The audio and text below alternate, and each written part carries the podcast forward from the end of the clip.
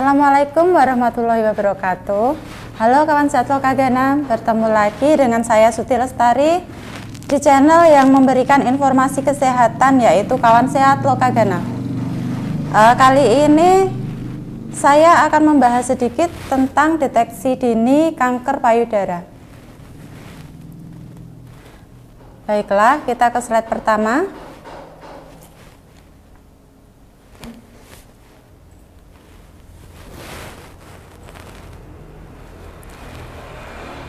Kanker payudara. Kanker payudara adalah kanker yang terbentuk di jaringan payudara.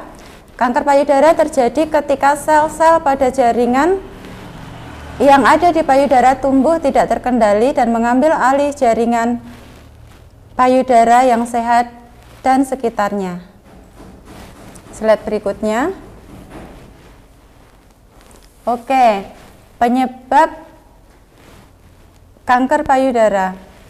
Eh, sampai saat ini, penyebab pasti kanker payudara belum diketahui.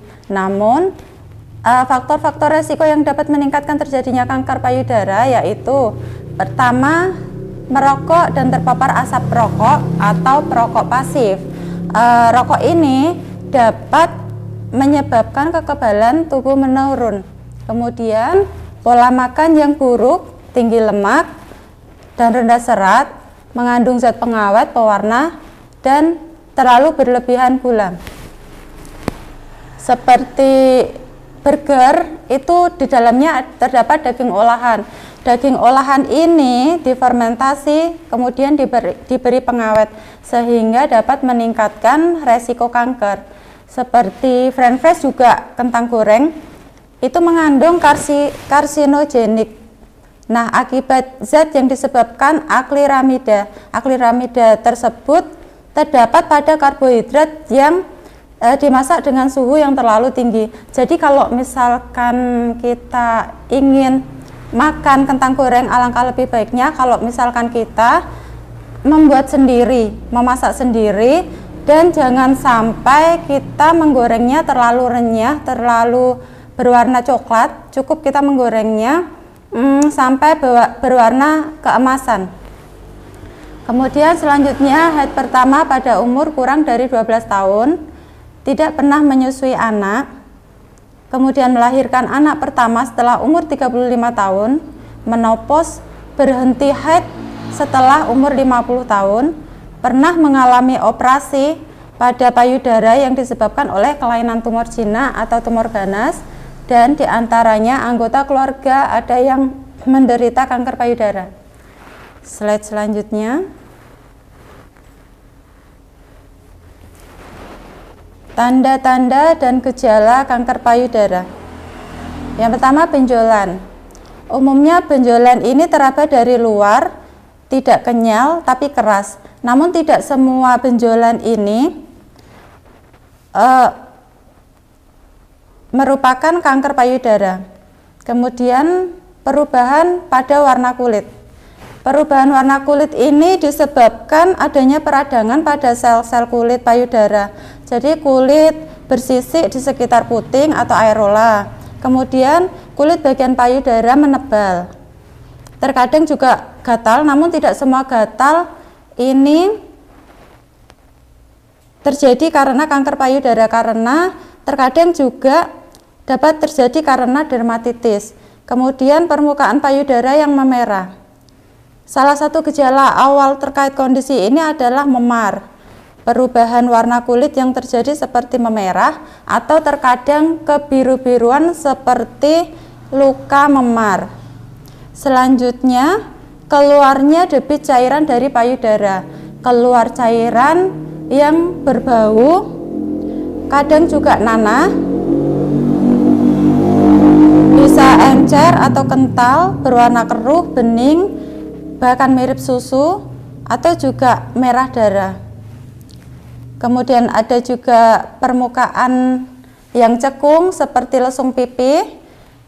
Kemudian permukaan payudara seperti tertarik ke dalam. Selanjutnya,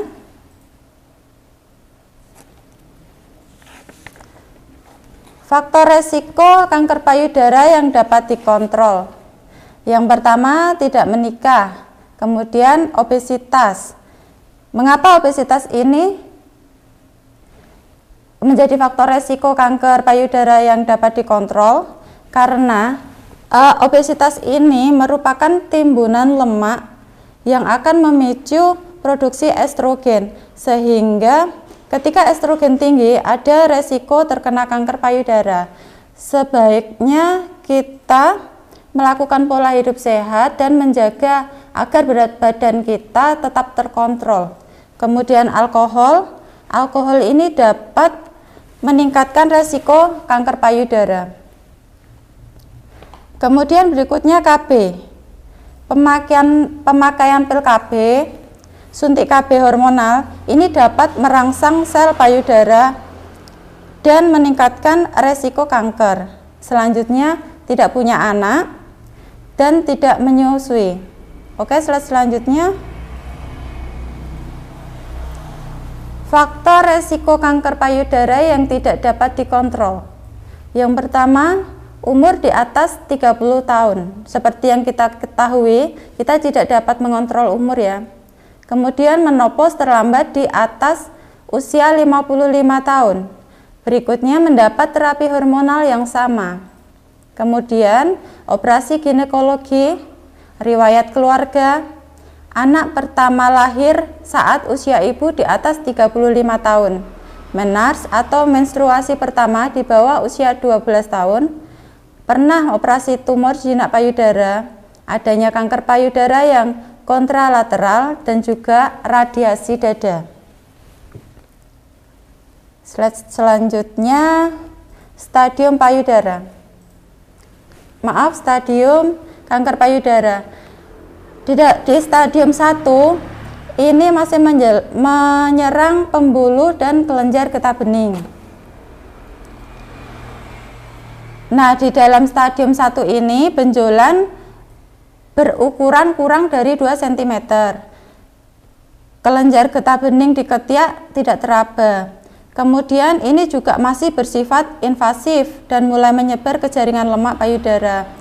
Biasanya terapi pada stadium 1 ini seperti terapi konservasi, kemudian juga e, terapi radiasi. Selanjutnya stadium 2. Stadium 2 benjolan muncul di area getah bening. Sekitar 1 sampai 2 buah, ukurannya 2 sampai 5 cm. Nah, terapi yang biasa digunakan yaitu yang pertama terapi Konservasi apabila benjolan tersebut kurang dari 3 cm. Kemudian apabila si benjolan ini lebih dari 3 cm, biasanya dengan menggunakan masektomi tanpa radiasi ditambah dengan pengobatan hormonal. Kemudian stadium 3, ciri-cirinya kulit dinding payudara. Ini sudah ada perlekatan. Di stadium 3 ini dibagi menjadi dua tipe 3A dan 3B di 3A sendiri ukurannya itu kurang dari 5 cm kemudian untuk yang 3B ya itu tidak berdasarkan ukuran ukurannya bisa berapa saja bisa satu bahkan sampai 5 cm namun yang membedakan penempelannya si benjolan ini di kulit seperti kulit yang tertarik atau menempel ke dinding dada Biasanya terapi yang digunakan seperti operasi di pertengahan kemoterapi. Kemudian stadium 4. Di stadium 4 ini sel-sel kanker sudah menyebar bahkan sampai ke paru-paru, hati, tulang dan juga otak. Oke, slide selanjutnya. Tes pemeriksaan kanker payudara. Nah, itu meliputi pemeriksaan fisik seperti pemeriksaan kita meraba di ketiak dan daerah leher. Kemudian bisa juga dengan menggunakan tes mamografi untuk pasien 40 tahun ke atas. E, tes mamografi ini bisa melihat ke dalam selnya ganas atau tidak. Kemudian pemeriksaan pemeriksaan ultrasonografi payudara. Selanjutnya biopsi payudara, MRI payudara ini tidak rutin dilakukan hanya jika ada indikasi. E, terapi target dikhususkan hanya untuk mematikan sel kanker. Tidak semua bisa dilakukan, harus diseleksi dulu. E, sementara kemoterapi itu selain mematikan sel-sel kanker juga mempunyai efek terhadap sel yang normal juga. Kemudian slide selanjutnya kita masuk ke deteksi dini. Deteksi dini ini bertujuan untuk menemukan benjolan dan tanda-tanda lain pada payudara sendiri, mungkin agar dapat dilakukan tindakan secepatnya. Jadi sekecil apa pun benjolan yang ditemukan, segera konsultasikan ke dokter. Oke, se selanjutnya cara melakukan deteksi dini kanker itu ada Tiga cara, yang pertama itu dengan sadari. Sadari ini bisa kita lakukan sendiri. Kemudian sadanis, sadanis ini periksa payudara klinis itu dilakukan oleh dokter, juga tenaga kesehatan lainnya. Kemudian yang selanjutnya pemeriksaan penunjang seperti mamografi atau USG payudara. Oke, selanjutnya kapan sih kita harus melakukan sadari. Jadi sadari ini dapat kita lakukan sebulan sekali setelah kita selesai haid semenjak wanita mulai mendapatkan haid pertama atau pada usia 12 tahun. Kemudian untuk slide selanjutnya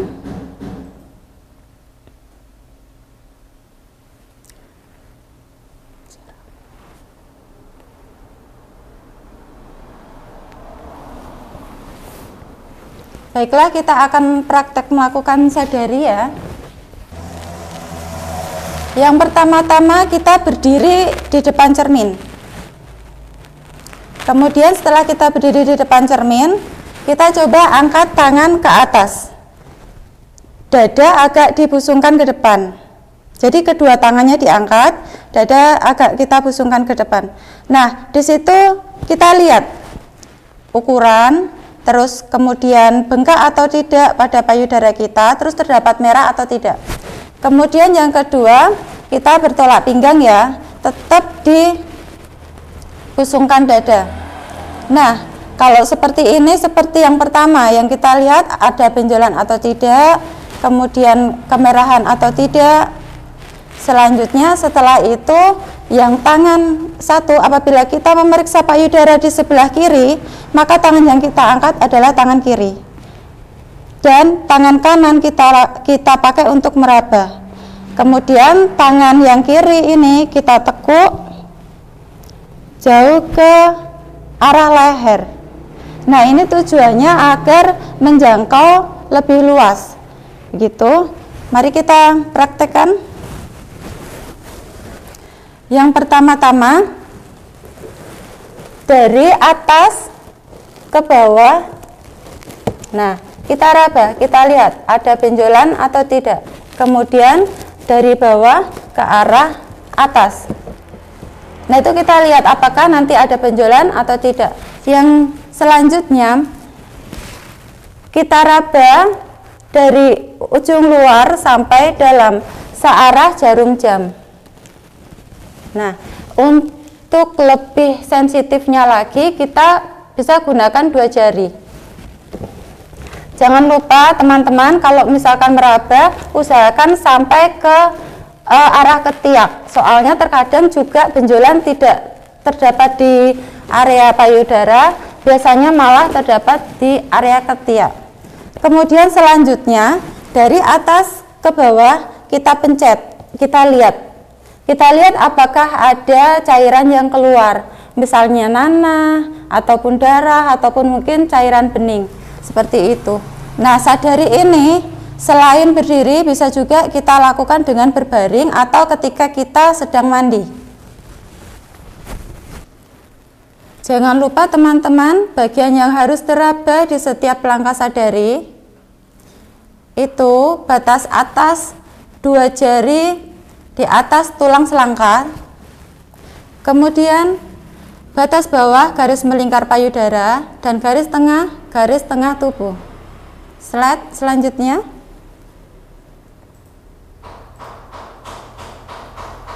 Oke, selanjutnya.